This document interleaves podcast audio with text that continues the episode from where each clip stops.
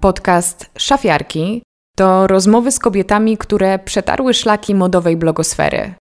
Kilkanaście lat temu na ich blogi wchodziły miliony użytkowników, ale masowe media o nich nie słyszały. Gdzie są dzisiaj? W jaką stronę poszły ich kariery? Każda z moich gościń obrała inną drogę, a wszystko zaczęło się od miłości do mody. Porozmawiamy o marzeniach, własnych markach, ekologii, karierze za granicą i zdrowiu psychicznym. Ja nazywam się Karolina Sobańska i zapraszam do świata szafiarek.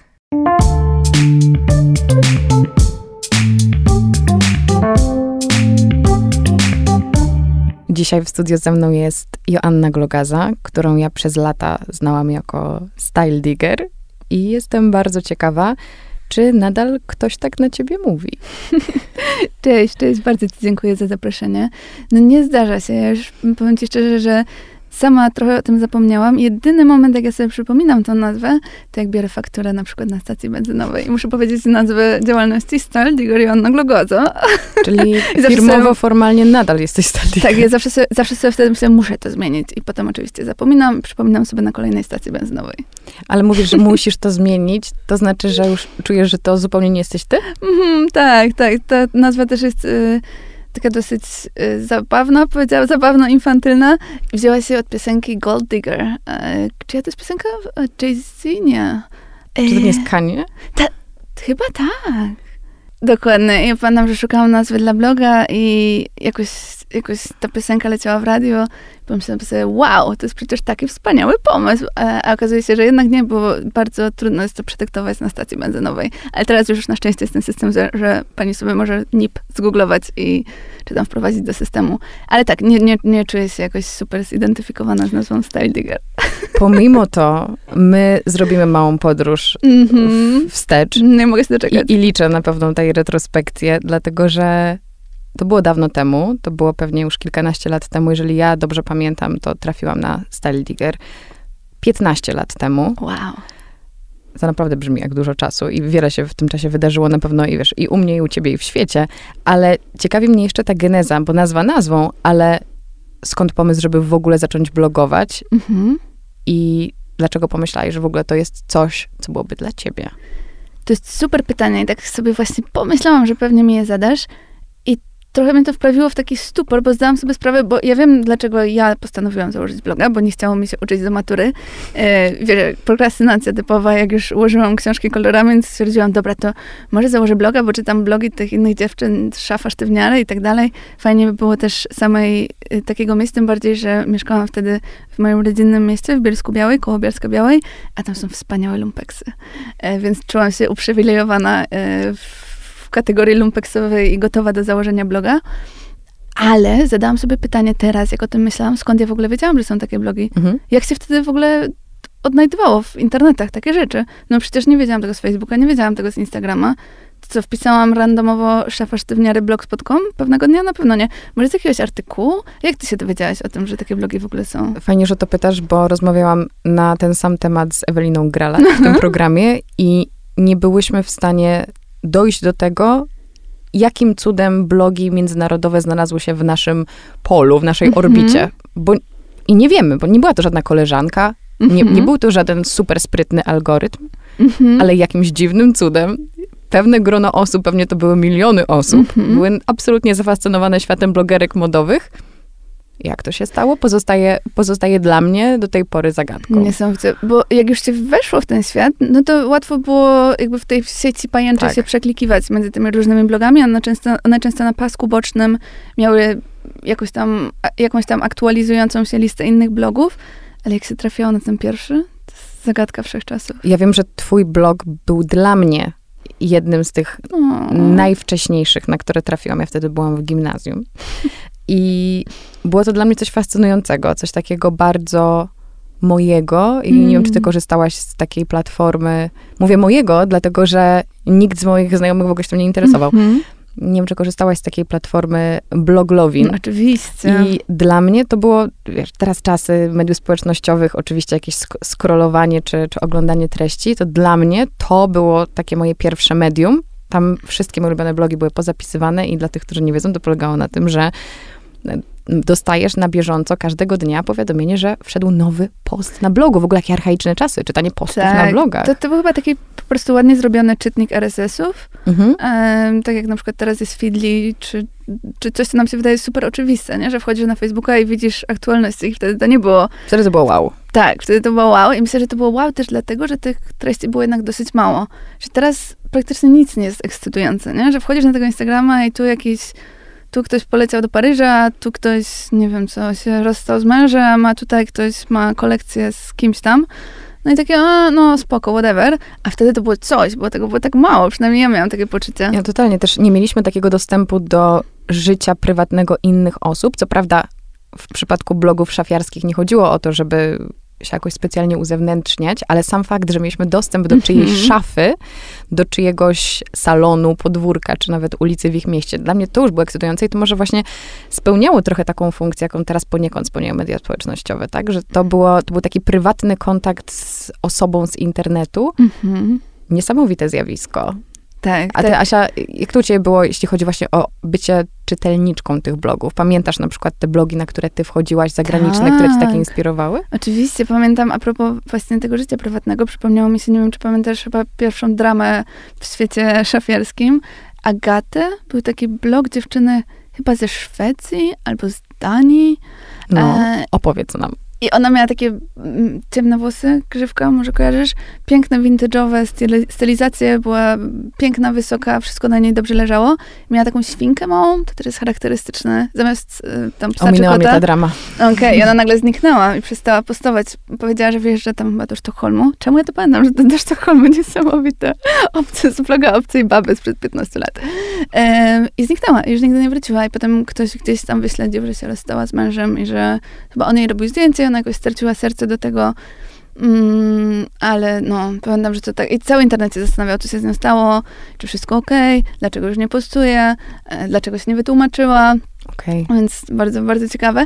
A odpowiadając na twoje pytanie, totalnie pamiętam, na przykład pamiętam, że bardzo lubiłam Le Blog de Betty, Mhm, takiej mhm. francuskiej blogerki, która też, Pamiętam. też pamiętam jej psa, miała takiego dużego, łaciatego psa, więc to był jeden z moich ulubionych. Mm, zaglądałam sobie, żeby zobaczyć, jak wygląda wielki świat. Pamiętasz, z LA była taka dziewczyna Ruminili chyba się Oj, nazywa? tak. Ona była taka kultowa wręcz. Tak, i ona była taka, taka, taka cool dziewczyna, Mhm. którą nigdy nie będziesz, ale może Kultowa i cool Możesz- zarazem. Ale możesz sobie poglądać.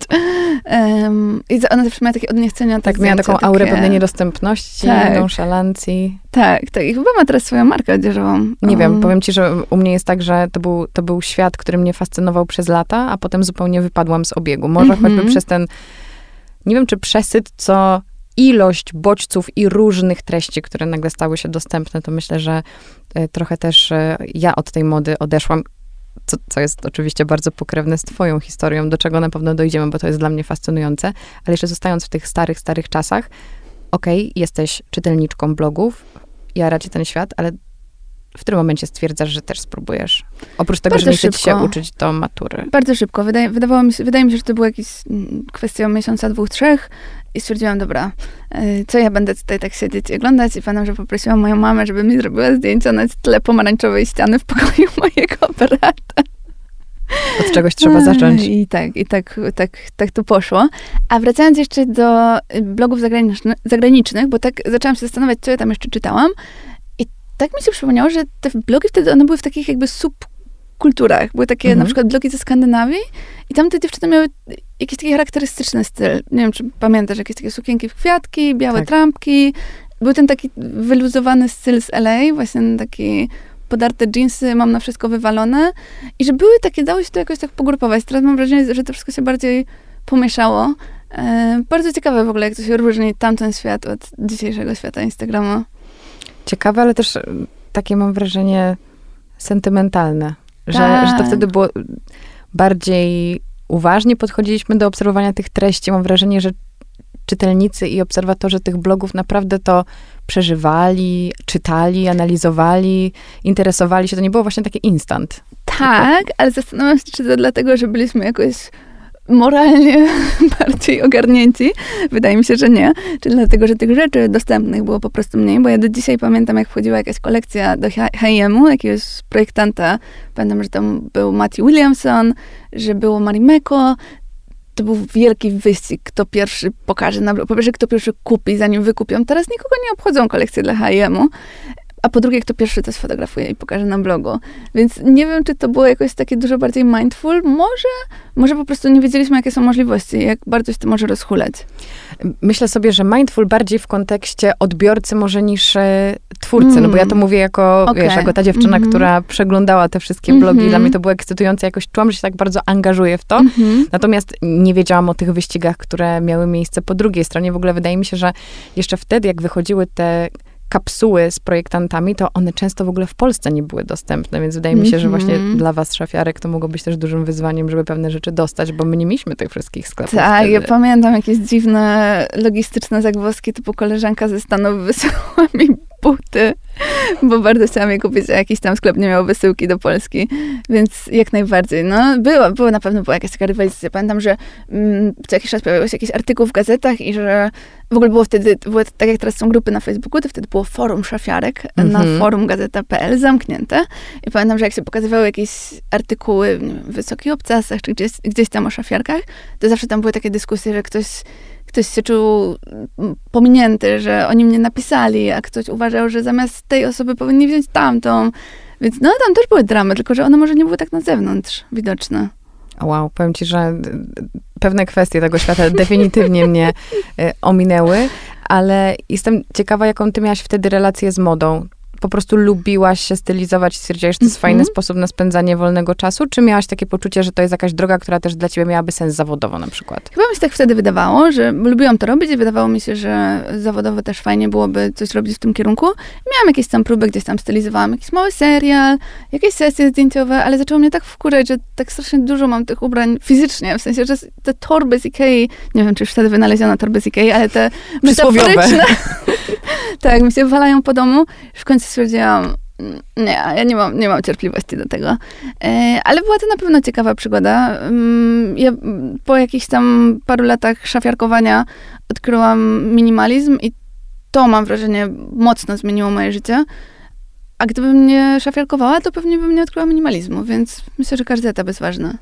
Ale zanim o minimalizmie wspomniałaś też o tych publikacjach. Mm-hmm. Ja pamiętam taką jedną publikację, która dla mnie, jako dla dziewczynki była bardzo kultowa. Wiem, którą? Czy to jest Viva to Moda? Jest sesja dla Vivy Mody. I powiem ci, że tak jak ten świat szafiarski był dla mnie jednak taki bardzo mój, prywatny, nikt inny nie wiedział, że, że istnieje taka, no, można powiedzieć, właśnie jakaś tam subkultura. To jak ukazała się edycja magazynu z szafiarkami w roli głównej, to ja wtedy stwierdziłam, o wow, moje dziewczyny są sławne. jak to, jak to było? Po, powiedz, jak to było od, od backstage'u, bo ja nawet ostatnio mhm. sobie szukałam w internecie, w ogóle mam ten magazyn gdzieś tak, mhm. nawiasem mówiąc, ale przeglądałam sobie zdjęcia z tej sesji i myślę sobie, wow, to było tak dawno temu i wy wszystkie wyglądacie tak inaczej. tak, tak. I mi się wydaje, dla mnie to też był taki przełomowy moment. Wydaje mi się, że to była taka chwila, gdy te ścieżki tych osób, które brały udział, które do tej pory szły powiedzmy równolegle, jakoś się tak rozłączyły. Bo na przykład była tam Julka Maw i, i chyba też Jessica, nie? Jessie? Nie, Jessica nie, to nie, było. Okej, okay, ale była Julka na pewno Maw, która teraz y, jest na tysiącu okładek w tysiącu czasopism i ona faktycznie wybrała tą ścieżkę zawodową taką związaną właśnie z tym.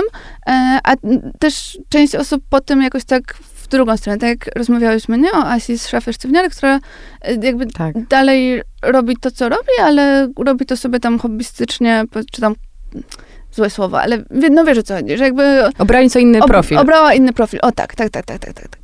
Um, zapomniałam. I tak samo, i tak samo Wytnijmy przypad... to, proszę. Dobrze, wytnijmy to. Tak samo w przypadku Weroniki Załazińskiej, też zupełnie inna historia. Twoja historia też potoczyła się jeszcze w zupełnie innym kierunku. Tak. Ale to jeszcze było chyba w takim momencie, gdzie byłaś mocno osadzona w modzie. Tak, tak, tak, tak. A odpowiadając jeszcze na twoje pytanie o backstage sesji, to dla mnie to też było takie przeżycie z kategorii wielki świat, bo ja nigdy nie byłam na takiej wielkiej sesji zdjęciowej, gdzie jest tutaj pięć osób od makijażu, tutaj jakiś statysta z małym pieskiem, który chodzi tam i z powrotem po tym planie, więc było to bardzo ekscytujące. Pamiętam też, że ja wtedy, ja nie pamiętam ile miałam lat, ale miałam już taki mindset takiej trochę małej dziewczynki i pamiętam, że bardzo mi się nie podobała stylizacja, którą dostałam. Mhm. Dostałam jakieś takie niebieskie futro, w którym się czułam jak potwór ciasteczkowy z ulicy Sezamkowej i w ogóle się bałam, że mnie ludzie w internecie zjedzą, że jestem w futrze. I pamiętam, że jeszcze to chyba Pola Madej stylizowała, e, że Pola miała taką koncepcję, która ogólnie jest bardzo fajna, że nie będę miała makijażu, tylko szminkę, a dziewczyny były takie pięknie wymalowane, doczepione rzęsy i się czułam jak takie brzydkie kaczątko, ale oczywiście nic nie powiedziałam, bo byłam miękką bułą. Więc to też pamiętam. Pamiętam to zdjęcie i też pamiętam twoje stylizacje z tamtych czasów, które no może nie były niebieskim futrem, ale też mi się kojarzyłaś z wysokimi obcasami, z jakimiś takimi, nie wiem, świecącymi dodatkami, że miałaś dużo mhm. takich kobiecych, chociaż to jest też złe słowo, tak, co to znaczy kobiece, ale na tamte czasy można by użyć tego określenia, luków, stylizacji i jak porównuję to z Asią po latach, z Asią teraz, myślę sobie, wow, to jest jakaś inna osoba. Asia ma zawsze wygodne buty, dobrze skrojone rzeczy. Nie, nie wygląda jakby na siłę wciskała się w, w ubrania, mm -hmm. żeby, żeby właśnie pokazać tą najnowszą rzecz z najnowszej no, myślę, kolekcji. Że, myślę, że tak to mogło być właśnie, że bardzo szybko można się zorientować, co działa w internecie mm. i pewnie bardzo szybko ogarnęłam, że im właśnie bardziej ekstrawagancka ta stylizacja, tym większy budzi może nie kontrowersje, ale jakieś zainteresowanie. Odzew. Tak, Aha. tak, tak, tak. E, I często się potem łapałam na tym, że kurczę, czy ja bym tak wyszła na ulicę? Nie jestem pewna. No, jak już potem mi się odechciało, to y, zaczęłam się po prostu ubierać w to, co, w co rzeczywiście lubię. I są elementy wspólne na pewno. Nie wiem, zawsze lubiłam koszulę i cały czas noszę koszulę. E, na obcasach mi się absolutnie nie chce chodzić. Myślę, że odkąd mam psa, y, to to się zmieniło, ale też w ogóle jakieś obcasy wyszły z tak. użycia trochę, mam wrażenie, nie? Ja pamiętam, że jak byłam na przykład na studiach, to wszystkie dziewczyny na imprezy szły w szpilkach. Na imprezę mhm. w klubie zawsze w butach na obcasie, a teraz się chodzi w adidaskach. W ogóle jak myślę sobie o tych czasach, kiedy właśnie byłam w liceum i wydawało mi się, że jak założę obcasy, to, to jest o wiele lepsza stylizacja. Z tego, że bolą mnie stopy. Bardziej współczuję sobie z tamtych lat, że tak się męczyłam, podczas mm -hmm. gdy mhm. rzeczywiście wydaje mi się, że taki ogólnie akceptowany dress code się też po prostu zmienił. Że to jest tak. okej okay założyć trampki do sukienki, nikt nie uważa, że kogoś w ten sposób obrażasz, tylko to, mamy jakąś taką większą dowolność. No ale właśnie powiedziałaś, że ci się to znudziło i też mówiłaś o tych torbach z Ikei, o tym, że zdajesz sobie sprawę, ile masz tych rzeczy. Czy to mhm. był taki moment dla ciebie, że po prostu straciłaś zainteresowanie modą i nagle z dnia na dzień wszystko się zmieniło, czy stopniowo dochodziłaś do tego, że hej, może, może, może to nie jest do końca moja ścieżka i zaczął się, zaczęła się zmieniać po prostu twoja relacja z ciuchami? Wydaje mi się, że tak jak odkryłam blogi szafiarskie w pewnym momencie, tak jak zaczęłam być zmęczona tymi ubraniami i zaczęłam googlować co robić, e, to odkryłam minimalizm i jakoś tam przypadkiem trafiłam na jakiś tam pierwszy blog i się tak wkręciłam, że już wiedziałam, że nie ma odwrotu. W sensie, na początku, to, to chyba zawsze jest taka droga, że ten taki neoficki super entuzjazm, powiedziałabym, że na początku byłam jakaś taka super Um, zaangażowana. Zaangażowana, ale też strict, nie wiem. Jak, restrykcyjna. Restrykcyjna. Tak, tak. Mhm, czuję się jak klasycznie jak wujek z Chicago, który wyjechał dwa tygodnie temu do Stanów, już nie pamięta polskiego.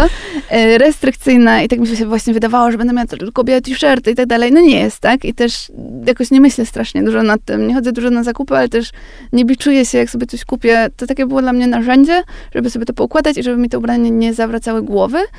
Um, więc wydaje mi się, że było to dosyć, e, także tak rosła we mnie ta frustracja, potem odkryłam ten minimalizm, to było takie wow, ta taka iskra na tym chruście, które sobie wcześniej nazbierałam, a potem jeszcze się wyprowadziłam do Londynu i miałam jedną walizkę i miałam maleńki pokoik w akademiku, nie miałam pieniędzy na ubrania i to na pewno też dołożyło do tego pieca. Ale nadal wtedy prowadziłaś bloga? Tak, ale on już był bardziej taki, a zobaczcie, co tu w Londynie fajnego, a jaką tutaj książkę przeczytałam, więc on tak bardziej skręcił w taki powiedzmy lifestyle. Bo z tego, co pamiętam, to ty w tym Londynie, to brzmi jak naprawdę prawdziwa fanka, studiowałaś prognozowanie trendów? Nie, nie, nie. Ja w Londynie studiowałam na Wydziale Socjologii na University of London Goldsmiths, nieważne. Um, socjologię wizualną, taką, to się nazywało Photography and Urban Cultures, czyli tam socjologia miasta z fotografią, ale studiowałam też, masz rację, prognozowanie trendów w modzie i designie. To było wcześniej, zanim pojechałam okay. do Londynu. To były podyplomowe studia, które zrobiłam między y, licencjatem a magisterką. A w Londynie miałam staż w firmie, która się tym zajmowała i to też mnie utwierdziło w przekonaniu, że ja to chyba nie chcę się tym zajmować. E, I wydaje mi się, że dla mnie też ważne było to, jak troszeczkę sobie zajrzałam w te środowiska. Ja wierzę, że są też fajne miejsca, gdzie się robi modę, ale ja często trafiałam na taki, taki celebrycki vibe, w którym ja się zupełnie nie odnajduję. Nie wiem, czy wiesz, o czym mówię. Wiesz. No, jak się czasem trafi na jakąś taką imprezę branżową, i masz wrażenie, że ktoś z tobą rozmawia, ale tak przez ramy ci patrzy, czy nie, nie idzie ktoś ciekawszy i jak idzie, to cię porzuca w pół zdania. No ja się zupełnie nie odnajduję w takich środowiskach i nie mam do tego cierpliwości, nie chcę mi się na tym spędzać swojego życia, więc mi się po prostu też nie, nie, jakoś nie chciało. I, ale wierzę, że to było bardziej takie moje na, bo wierzę, że są też fajne miejsca w każdej z tych branż i ja po prostu trafiałam na takie nie do końca w moim stylu i też mnie to zniechęcało. No tak, ale też myślę sobie, że wiesz, sam fakt, że nie szukałaś dalej, tylko stwierdziłaś, że to nie dla ciebie, znaczy, że ewidentnie była dla ciebie po prostu inna ścieżka. Tak, tak. Ja, wydaje mi się teraz, że ja po prostu bardzo lubiłam robić rzeczy w internecie, co dalej ogromnie lubię. I to był taki mój core, który mnie trzymał tak długo przy tym blogowaniu, wrzucaniu rzeczy na YouTube'a, na Instagram, pisaniu książek. Samo to tworzenie rzeczy do internetu, a niekoniecznie to, że one muszą być o ubraniach. Bo jak ja sobie teraz tak w ogóle myślę do tyłu, to te blogi niekoniecznie były o modzie, one były bardziej takie o zakupach. Mhm. no. O tym też rozmawiałam właśnie z, z Harel, że tutaj mamy do czynienia z treściami głównie shoppingowymi, a tak. niekoniecznie z osobami, których, które fascynowała moda, sztuka tak. per se. Także może, to też bardzo weryfikowało potem. Tak, może ja na pewno sobie nie zdawałam z tego sprawy, ale może jakbym rzeczywiście była tą osobą, którą fascynowała moda i lubiła sobie przeglądać kolekcje z lat 70., chodzić na wystawę i tak dalej, to może dalej bym w tym była, bo po prostu to był mój, był mój ten silnik, który by mnie w tym trzymał, ale chyba po prostu lubiłam chodzić na zakupy. Co jest, co jest też okej okay. na, no na, każdym etapie. Pewnie, u ciebie tak. zdecydowanie tak. na jakimś etapie już przeszłym, bo to się u ciebie Chociaż na maksa ja, zmieniło. Bo, ja, Karolina, przed chwilą rozmawialiśmy, bo skomplementowałam shorty Karoliny, które są, jak się okazało, z vintage shopów w Paryżu. Ja na przykład kocham chodzić do vintage shopów. Nie lubię chodzić do sklepów, bo nie lubię tłumów i już tyle fajnych rzeczy znalazłam w tych second handach, że jak mam teraz wydać 300 zł za sukienkę, to się pięć razy zastanowię. Ale wycieczka do second handu zawsze spoko. Bo jak myślę sobie o twojej historii i jak zastanawiałam się nad naszą rozmową dzisiaj, to pomyślałam, okej, okay, czyli moda była dużą częścią twojego życia. Prowadziłaś bloga w oparciu o modę, a może właśnie o ubrania. Mm-hmm. I nagle ona praktycznie przestała funkcjonować w twoim życiu, czy też zawodowym, czy też mm-hmm. prywatnym w dużo mniejszym stopniu. I wtedy pomyślałam sobie, Ciekawe, jaką rolę ona odgrywała w twoim życiu i co ją po prostu zastąpiło. Ale trochę mi odpowiedziałaś, bo powiedziałaś, że po prostu lubiłaś tworzyć treści. Chyba tak. Te, też teraz myślę sobie, że w tamtych czasach, w tamtych czasach, jak to brzmi, yy, wydaje mi się, że to była taka furtka do blogowania, bo jakie blogi wtedy były? Zwłaszcza prowadzone przez kobiety. Były blogi modowe, czy tam shoppingowe, były chyba blogi kulinarne. Mhm. Pamiętam, że jakiś czas potem wybuchł kosmetyczny YouTube, to też jest niesamowite, nie? Który też, to też było na pewnym etapie takie ważne. I tak. nam się wydawało, że trzeba mieć tą paletkę z tej... Ja teraz nawet nie mam cieni w domu. Mhm. E, a wtedy to się wydawało takie, że po prostu wow, wow, wow. I te osoby były naprawdę znane. Tak, tak, tak. Do tej tak. pory są. Tak, to jest, więc to też jest niesamowite, że są takie. Potem był fitnessowy trend, no? Teraz mamy duchowość na przykład, więc to jest w ogóle fascynujące. Jakaś taka socjologia internetu. Mm, tak, więc wydaje mi się, że po prostu to był jakiś taki punkt wejścia. I to u ciebie ewoluowało na przestrzeni lat, w sumie w różne strony. Tak się fajnie z tym internetem docierałaś i nadal myślę, że no, jak każdy poniekąd się docierasz, że jakby, tak jak ja ciebie obserwuję, to poszukujesz miejsc, w których ty się możesz realizować, no nie? Że jakby jesteś, to też ja podziwiam, że jesteś okej okay z tym, że dotykasz różnych tematów, dopóki rzeczywiście zajmujesz się czymś, co cię spełnia, co cię jara, jak sobie myślę na przykład o twojej książce o grach, mm -hmm. czy, czy właśnie, no oczywiście o tym, czym się zajmujesz na świeżo, czyli mhm. na przykład kwestią ekonomii uwagi mhm. i, i relacji z mediami społecznościowymi, e, czy, czy w ogóle prowadzeniem swojej, swojej marki. Widać w tym po prostu ogromne zaangażowanie i to pięknie tak twoją historię nam maluje na przestrzeni lat. A, dziękuję bardzo. E, no, to jest bardzo fajne też, że internet daje takie możliwości rozwijania się w tym kierunku, w którym chcesz i że, nie wiem, no nie potrzeba dyplomu z medycyny, żeby napisać książkę o grach. I tak naprawdę każdy ją może napisać, tylko mam wrażenie, że internet trochę uczy, jak się tworzy treści do internetu, to trochę się człowiek wtedy uczy, że można. Mm, a często ludzie może i by chcieli napisać książkę o grach, bo przecież to nie jest tak, że człowiek jest monolitem, tylko że, nie wiem, no każdy ma jakieś tam swoje różne zainteresowania e, i może by nawet chciał je gdzieś tam pociągnąć, ale sobie mówimy, nie, nie, przecież to się nie opłaca, bo to nie, nie inwestuje wtedy czasu w moją karierę, albo kim ja jestem, żeby pisać książkę o grach. Każdy może napisać książkę o grach. Ale jak ty sobie poradziłaś, albo może zawsze miałaś taki mindset, że czułaś w sobie taką sprawczość i nie musiałaś sobie tłumaczyć, że Asia, to jest okej, okay, że ty się zajmiesz teraz tym tematem. Czy to mm -hmm. też był dla ciebie proces? Mogłabym ci udzielić jakiejś takiej okrągłej odpowiedzi, ale myślę, że prawdziwa odpowiedź brzmi ADHD.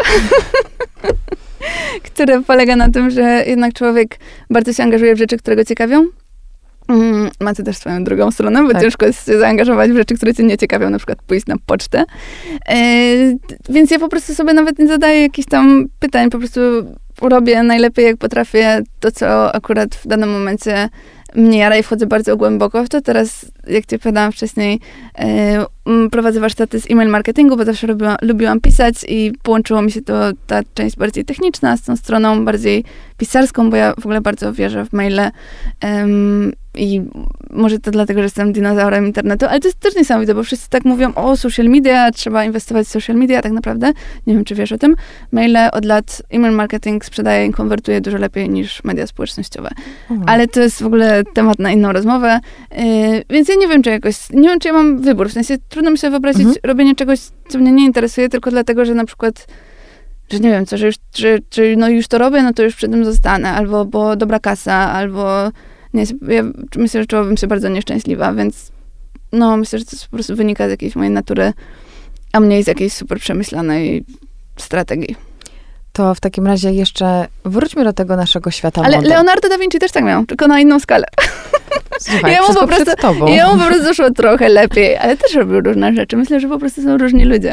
No na maksa, ale właśnie w tym, w tym, w tej kwestii... Bo, jeszcze ci przerwę, tak? przepraszam cię bardzo. Myślę, że też jest wielka wartość w robieniu czegoś przez całe życie bardzo głęboko tej samej rzeczy i też są tacy ludzie i tak. oni też są potrzebni. To jest, ja w ogóle mam ogromny szacunek do tego, tylko myślę, że też po prostu jest różni, różni tak. ludzie mają różnie na różnych etapach. No myślę, że to się po prostu sprowadza do tego, żeby poznać siebie. Ja e, rzuciłam banałem, ale to jest, to jest bardzo prawdziwy to banał. jest prawdziwy banał, dlatego że banałów. ja często na przykład zazdrościłam w dobrym tego słowa znaczeniu osobom, które są takimi badaczami, mm -hmm. researcherami, że ktoś jest w stanie oddać się jakiejś konkretnej dziedzinie i naprawdę z taką samą dziecięcą ciekawością, czy po prostu ze skrupulatnością, co już podziwiam na maksa, mm -hmm po prostu zgłębiać ten temat przez lata, bo też u mnie z, z, z, utrzymaniem uwagi jest trudno, też potrzebuję mieć te bodźce, potrzebuję czuć, że coś jest dla mnie ważne i niestety rzeczy mi się nudzą, więc e, na, tak bardzo jak chciałabym, żeby dla mnie ważny był ten jeden temat przez, przez pięć lat, to też nie leży to w mojej naturze, a my często, mam wrażenie, na siłę też próbujemy trzymać się jakiegoś starego scenariusza, dlatego, że no, działał do tej pory, albo mamy jakieś społeczne oczekiwania i tak może być nawet w przypadku no, u ciebie zmiany branży. Nadal masz ten core tworzenia w internecie, ale stwierdzenie, że ok, przez lata budowałam sobie jakąś tam społeczność wokół mody i teraz po prostu nie chcę tego robić i akceptujesz to, że pewne osoby pewnie pójdą z tobą dalej, pewne osoby cię zostawią, ale w sumie jestem bardzo ciekawa, jak u ciebie jest pod tym kątem właśnie społeczności, tego community, które, które mhm. zbudowałaś. Czy w momencie, kiedy zaczęłaś odsuwać się od tych tematów modowych ku tym bardziej lifestyle'owym, to zachowałaś swoich ludzi, że tak mm -hmm. powiem? Czy, Część... czy widziałaś taką roszadę? Częściowo tak. Myślę, że też częściowo roszada. Myślę, że to jest totalnie naturalny proces. Ja też mam e, nie wiem, blogerów, czy jakichś tam twórców, których śledziłam kiedyś, bo na przykład było mi potrzebne nie wiem co. Jak miałam mieszkanie w starej kamienicy, to śledziłam Kasię, architekt na szpilkach. Bardzo polecam, jeżeli ktoś ma mieszkanie w kamienicy albo się szykuje do remontu, która się specjalizuje właśnie w starych budynkach. A teraz już tego nie robię, bo nie mam mieszkania w starej kamienicy, jest mi to niepotrzebne, ale ogromnie ją szanuję i uważam, że robi super robotę. Czasami było tak, że ktoś na przykład mnie znudził albo zaczął mnie wkurzać, więc pomyślałam, co ja tam będę wchodzić, jak mnie to irytuje. Więc myślę, że to jest po prostu super naturalna ścieżka. Bardzo ciekawe to, co powiedziałaś o sobie. Myślę, że twórcy internetowi mają często właśnie tę wspólną cechę, że ci ludzie nie znaleźli się w tym internecie przypadkowo. Jakby byli researcherami i lubili super głęboko wchodzić w temat i siedzieć w bibliotece i czytać książki, co tam researcher, researcherzy robią w tej swojej bardzo potrzebnej, bardzo ważnej robocie, to pewnie nie byłoby ich na Instagramie myślę, że są różne role, nie? I że niektóre osoby są bardziej takimi, powiedzmy, promotorami jakiejś tam idei, a inne są bardziej właśnie tymi researcherami. Pewnie często się to łączy. Na przykład teraz mi przyszło do głowy, jest y, taki blog Henna Mixologia, nie wiem, czy kojarzysz? Ko kojarzę dlatego, że mi kiedyś o tym powiedziałaś. Tak, tak. No to jest y, dosyć, dosyć niszowy temat, czyli henna na włosy i inne zioła. I tam y, autorka super mocno wchodzi w temat, robi eksperymenty, sprawdza, co farbuje, na jaki kolor. Naprawdę bardzo dużo energii w to wkłada. I to mi się wydaje takim ale z drugiej strony bardzo promuje ten temat i jest taką matką chrzestną hennujących osób w Polsce. Więc wydaje mi się, że czasami to idzie w parze, ale bardzo często nie. Wiesz, mi teraz przyszła do głowy y, taka kwestia, że mamy zalew materiałów, profili czy blogów stricte właśnie mm, na, nakierowanych na konkretną jakąś niszę, na konkretne mhm. zagadnienie, na zdobycie konkretnej wiedzy. Czyli jeżeli ty szukasz kogoś, kto pomoże ci y, zrobić remont, albo pomoże ci coś ugotować, albo pomoże ci coś naprawić, czy pomoże ci coś uprać. Mhm. Y, akurat daję dosyć podobne przykłady, ale wiadomo o co chodzi. Jasne. Podróże, cokolwiek, to wtedy rzeczywiście sięgamy po to, bo w tym momencie mamy taką, a nie inną potrzebę. I czasem zostajemy przez lata, czasem nie, ale mamy bardzo dużo takich treści eksperckich, co jest super, mamy ogromny dostęp do wiedzy, ale z drugiej strony jestem ciekawa też właśnie twojej opinii opinii, bo y, nie mam żadnych danych na to, ale wydaje mi się, że równolegle mamy też dużo twórców treści, którzy mają za sobą ogromne, y, ogromną grupę obserwujących, dlatego, że oni chcą być z nimi dla nich, dla ich osobowości, czyli takie mm-hmm. właśnie te personal blogs. I ja mm-hmm. tak podchodzę do tego w kontekście tych blogerów, którzy pisali od lat, mm-hmm. że przez to, że ludzie może właśnie kiedyś chętniej czytali te blogi osobiste, gdzie były przemyślenia, gdzie one nie były konkretnie jakoś właśnie wyprofilowane i eksperckie, że pomimo, że przez lata ci ludzie właśnie sobie ewoluowali, zmieniali profil, to my zostaliśmy z nimi trochę jak z takimi przyjaciółmi. Mhm. I pomimo, że to odbiegało od jakiegoś tam naszego obszaru zainteresowań, to nadal chcemy wiedzieć, co u nich, liczymy się z ich zdaniem i razem z nimi sobie idziemy przez tą podróż. Więc tu widzę takie dwie drogi. Jestem, jestem ciekawa, czy, czy też to obserwowałaś jako, zarówno jako czytelniczka blogów i obserwatorka treści, ale mhm. też jako właśnie twórczyni. Tak, moja odpowiedź brzmi tak i tak. Myślę, że jak najbardziej. Yy, jeszcze mi przyszło do głowy, a propos tego wcześniejszego wątku o zmienianiu tematu i o jakby porzuceniu tematu mody, chociaż nie wiem, czy to można, nie wiem, jakoś zamknięciu tematu mody, czyli że to zdanie jest już siedmiokrotnie złożone, więc zacznę nowe. Dawaj. To, co chciałam powiedzieć, to, że ja miałam w pewnym momencie takie, takie poczucie, jak zaczęłam pisać o tej modzie w ujęciu minimalistycznym, czyli jak sobie zorganizować szafę, żeby nas nie wkurzała, żeby mieć tyle ubrań, ile potrzebujemy, żeby one do siebie pasowały, żeby móc się tam spokojnie spakować na weekend do małej torby i tak dalej, że ja w pewnym momencie poczułam, że ja powiedziałam wszystko co ja mam na ten temat do powiedzenia. Moja podróż w tym temacie się zamknęła. Ja się czuję zupełnie ok ze swoją szafą. Powiedziałam, zamknęłam w swojej książce, wychodząc z mody, wszystko, co ja uważam ludziom jest potrzebne do odbycia tej podróży samodzielnie. I intencjonalnie nie chciałam jakby zgłębiać tego dalej, dlatego że wydaje mi się, że w pewnym momencie to już zaczyna być takim trochę jak w blogach o oszczędzaniu, mhm. że bardzo ważne jest to, żeby mieć poduszkę finansową, bardzo ważne jest to, żeby zwiększać swoje przychody, bardzo ważne jest to, żeby tam, nie wiem, zrobić te wszystkie podstawowe rzeczy, ale potem jakby no życie nie jest po to, żeby obliczać, ile kosztuje truskawka i czy ta truskawka w sklepie dalej nie jest troszeczkę taniej, albo czy na tej lokacji nie dostaniemy, że ważne są te duże rzeczy, które naprawdę mają znaczenie i tak miałam poczucie też w ubraniach, że jak zrobisz te rzeczy, podstawowe, to już jesteś zupełnie na innej planecie, ale jak z kolei zaczniesz się doktoryzować z tego, czy ta e, bawełna organiczna z tym certyfikatem, czy z tamtym certyfikatem będzie lepsza, jeżeli ktoś ma ochotę, śmiało. Ale to nie jest moim zdaniem wymagane do tego, bo jakby cel jest taki, żeby ubrania nam nie zawracały głowy. A jak my zaczynamy wchodzić w jakieś szczególiki szczególików, których przełożenie na efekty jest żadne, no to trochę to traci sens, bo to jest takie samo zaangażowanie, tak samo nas, nam to zabiera czas, jak ciągłe zakupy w Primarku czy gdziekolwiek indziej. Więc to był też taki ważny moment mm, w mojej podróży, tym bardziej, że zaczęły się pojawiać, to się zaczął robić popularny temat. E, ja w pewnym momencie też nawet miałam, bo chciałam powiedzieć o tym, że na przykład dziewczyny sprzedają jakieś tam e-booki, twoja szafa na wiosnę 2023, gdzie są wybrane jakieś tam ze, ze sklepów rzeczy. E, I ja też, też miałam taki pomysł i robiłam jakieś tam, przygotowywałam na wiosnę, na jesień, na coś tam, na coś tam. E, oczywiście z linkami afiliacyjnymi. E, I potem sobie pomyślałam, kurczę, przecież to nie o to w tym chodzi. W sensie, no że jasne, że jakby można tak w nieskończoność, e, ale czy ja chcę, żeby ludzie ciągle analizowali, co oni sobie mogą kupić do tej swojej idealnej szafy, czy żeby mieli spokój i się po prostu cieszyli tym, co mają, a jak potrzebują nowego t-shirtu, to żeby poszli do sklepu, kupili to, co czują i to jakby na ile wiedzą, że to będzie dla nich ok i nie spędzali nad tym trzech tygodni.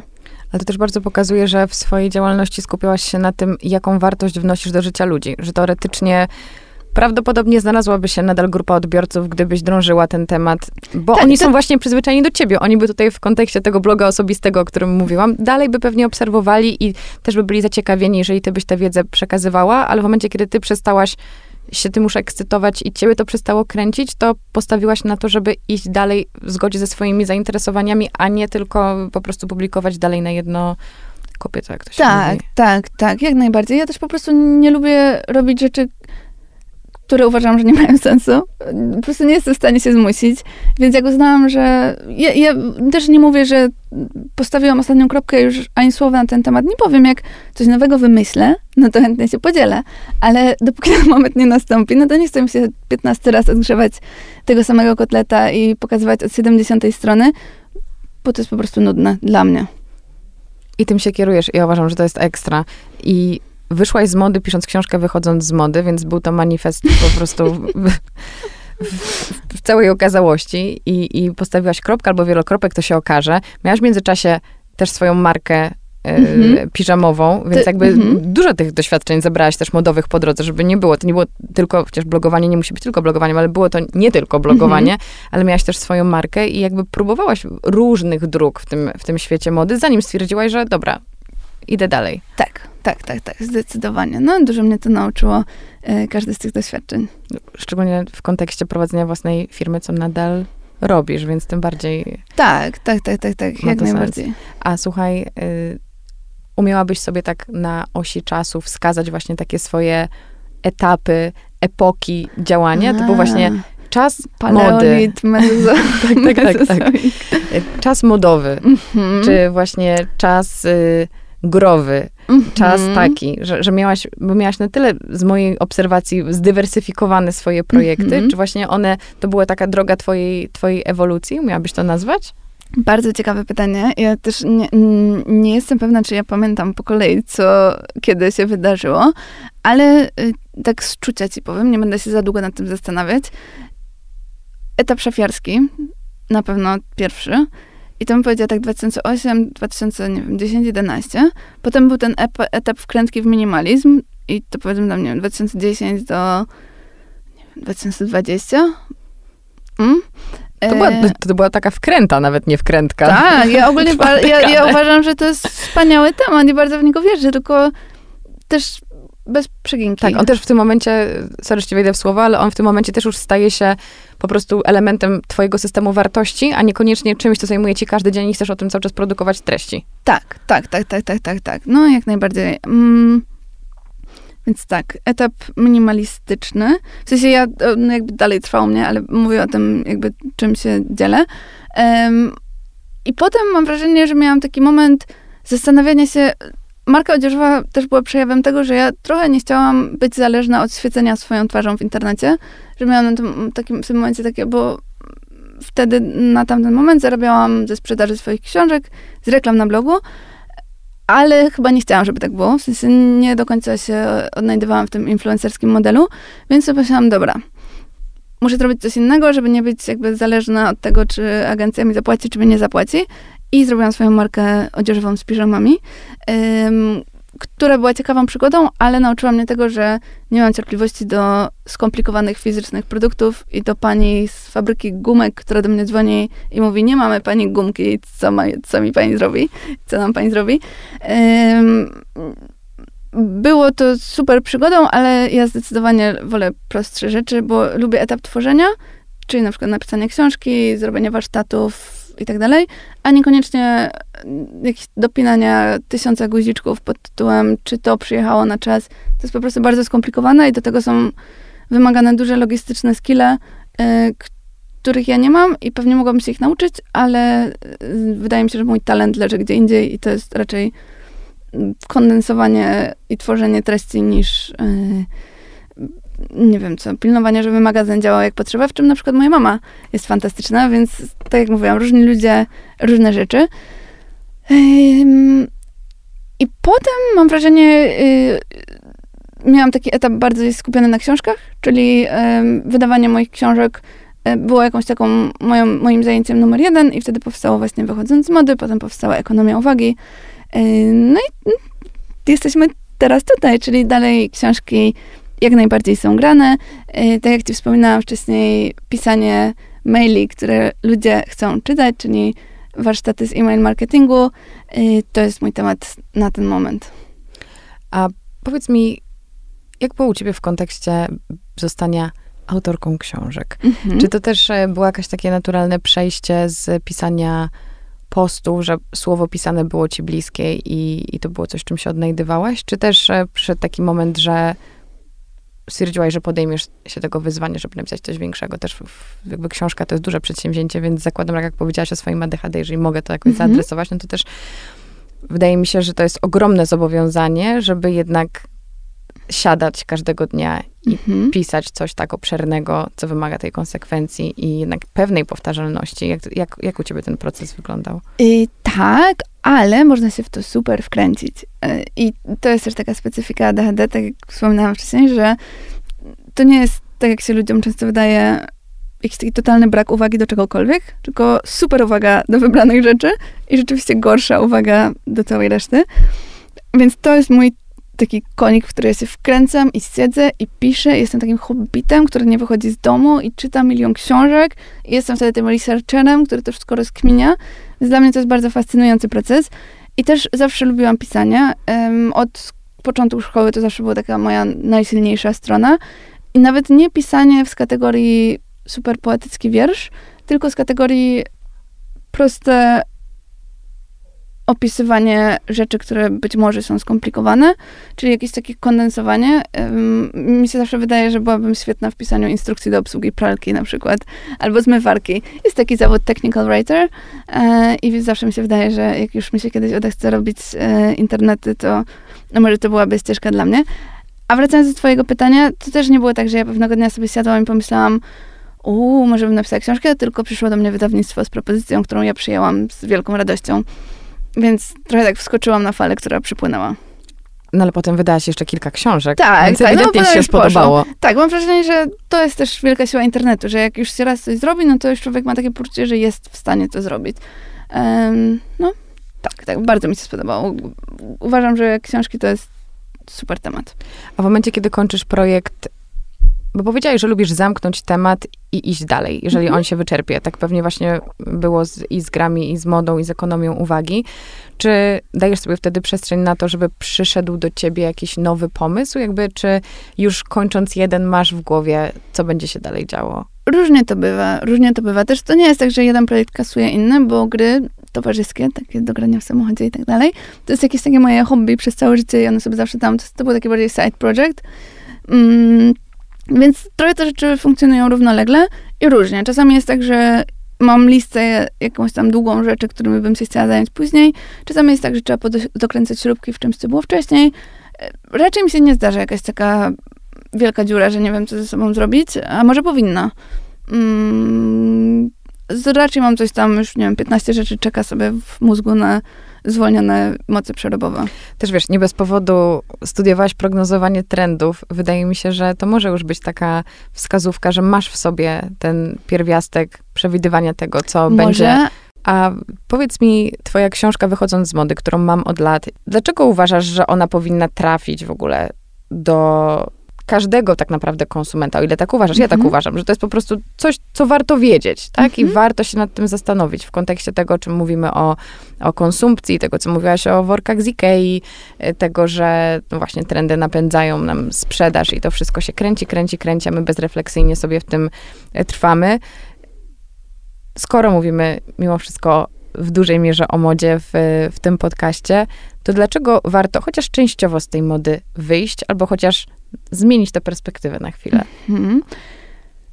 Byłoby super, gdyby każda osoba robiąca zakupy w sklepach odzieżowych wiedziała te rzeczy, które są w tej książce, ale ja zawsze sobie myślę, że to jest książka dla osób, które czują same, że coś jest nie tak w ich relacji właśnie z zakupami, z szafą. Wkurza ich to, że mają dużo ubrań, a nie mają się w co ubrać.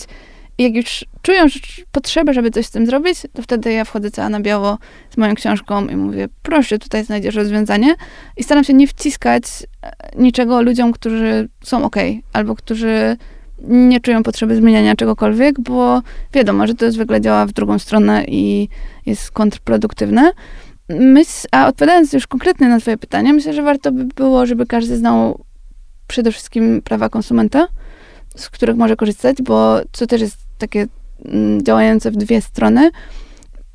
Marki modowe robią beznadziejne rzeczy, które się rozpadają, bo mogą, bo ludzie tego nie reklamują, bo myślą, że zgubili paragon, to już nie mogą reklamować, albo mm, no nie wiem, tysiąc powodów, a tak naprawdę zwykle możemy e, reklamować to, co mm, nam się popsuło w jakimś absurdalnie krótkim czasie.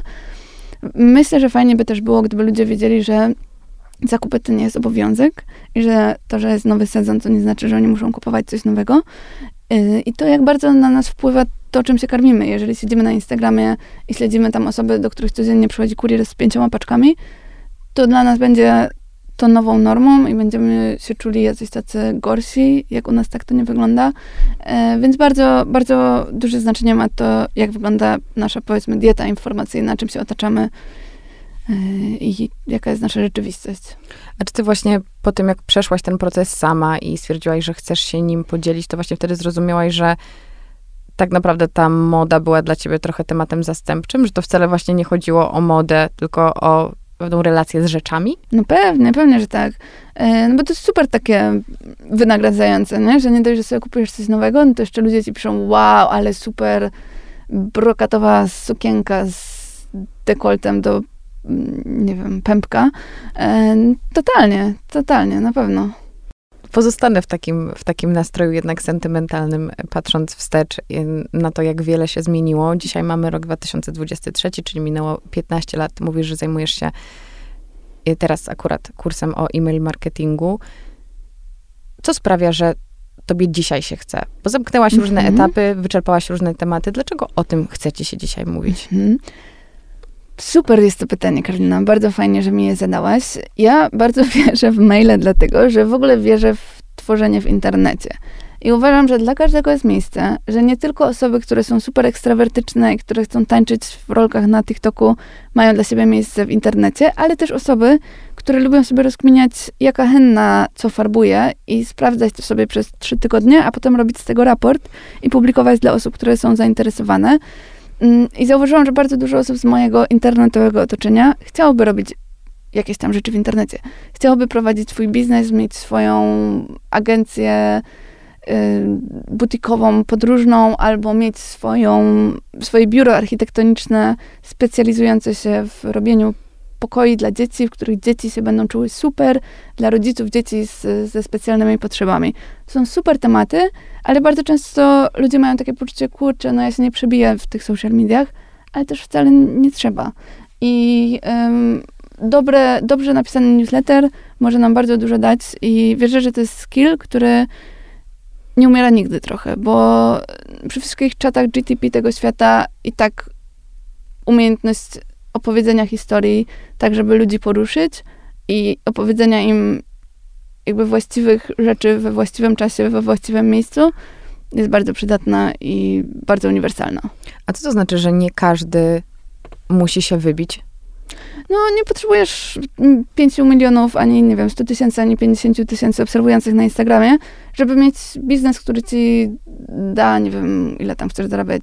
Powiedzmy, że ktoś sobie ustali, że chce mieć 20 tysięcy miesięcznie z, ze swojej firmy, która nie wiem, co robi. Kwiatki sprzedaje? To chyba naj, najgorszy przykład, jaki mi przyszedł do głowy. Albo nie wiem, o, i ktoś robi warsztaty jogi. No to nie potrzebuje miliona followersów, że ten milion followersów jest potrzebny, jak chcesz robić deale reklamowe. Ale jak chcesz sprzedać warsztaty jogi za 20 tysięcy w miesiącu, to, to jest w ogóle jakaś bardzo wysoka liczba. 10 tysięcy w miesiącu, ale za 20 też sprzedasz. to nie potrzebujesz, nie wiem, tylu followersów, ile ma Jessica Mercedes, tylko potrzebujesz wystarczająco dużo osób, które wskoczą na twoją listę mailową i zapiszą się na twoje warsztaty, żeby ją wypełnić. No to jest, nie wiem, 20 osób. Um, I jak się jakby dobrze wyszuka te osoby i dobrze podejdzie do tej komunikacji, to absolutnie nie muszą to być tłumy, e, które też niosą za sobą pewne zobowiązania, nie? Potem trzeba jakby być na bieżąco i ogarniać tych ludzi i tak dalej. Czyli zdecydowanie skupiamy się tutaj na tej kwestii wartości, którą wnosimy mhm. i sprzedawaniu tej wartości. Dokładnie tak. Niekoniecznie osobowości, niekoniecznie historii, niekoniecznie własnych doświadczeń, tylko tego, co mogę jako twórca dać Tak, co odbiorcy. ja mogę dla ciebie zrobić w kwestii jogi. Yy, I przez to, że ten taki influencerski model jest taki popularny, mam wrażenie, że to ludzie często stopuje, że oni sobie myślą, kurczę, no to żeby zorganizować jakieś warsztaty, to ja najpierw muszę tyle na tym Instagramie nagromadzić tych ludzi, a totalnie tak nie jest. To jest jakaś taka bariera, którą sobie stawiamy w głowie. No i potem, nie wiem, przez rok robimy coś za darmo, bo nam się wydaje, że musimy sobie zasłużyć na możliwość złożenia płatnej oferty, a jesteśmy instruktorkami jogi z 15 15-letnim doświadczeniem i poprowadziłyśmy tych warsztatów 5 tysięcy. Czyli też to, czym się zajmujesz w kursach, to zakładam jest w dużej mierze praca w ogóle z przekonaniami. Mm, trochę tak. Ja jakby nie określiłabym się tak absolutnie, bo uważam, że nie mam do tego zupełnie mhm. kompetencji mm, i że to jest robota, nie wiem, dla terapeutów i tak dalej, i tak dalej, ale no, trochę się nie da tego uniknąć. Tak, jak, tak samo jak można powiedzieć, że jak się pokazuje mm, zalety minimalistycznej szafy, to też jest trochę praca z przekonaniami, mm -hmm. ale ja się zawsze boję używać jakichś tak. takich tak. około terapeutyczno-coachowskich określeń, bo po prostu nie jestem ekspertem od tego i y, tak, więc nie poczuwam. Tak, zauważyłam ten niepokój w tobie, zadając to pytanie w ten sposób, ale... O, to mnie trochę, trochę a propos właśnie tego, że każdy może robić rzeczy w internecie, to to jest dla mnie taka trochę granica, że -hmm. Jak ktoś sobie pisze właśnie o grach, albo ktoś sobie rozkminił, jak sobie zrobić szafę. Wszystko super. I nie, nie, ma, nie ma uniwersytetu z minimalistycznej szafy, nie? Jak, jak inaczej się tego nauczyć. Ale jak ludzie zaczną, zaczynają wchodzić w jakieś parapsychoterapeutyczne tematy, to to się robi trochę scary. Mhm. To jest, więc chciałam zrobić taki disclaimer, że do tego, co powiedziałam wcześniej, są wyjątki.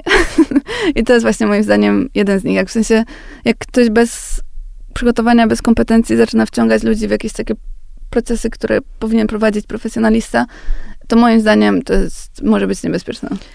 No myślę, że ta granica jest cienka i tak jak powiedziałaś, że dla każdego jest miejsce. Oczywiście to się sprowadza pewnie do intencji, jaka za tym stoi, do tego, jaką wartość realnie chcemy przekazać i nie pozostaje nam nic innego, jak liczyć na to, że, że każdy jednak filtruje to przez jakieś moralne mhm. zasady i, i pewne struktury, które obowiązują w naszym społeczeństwie.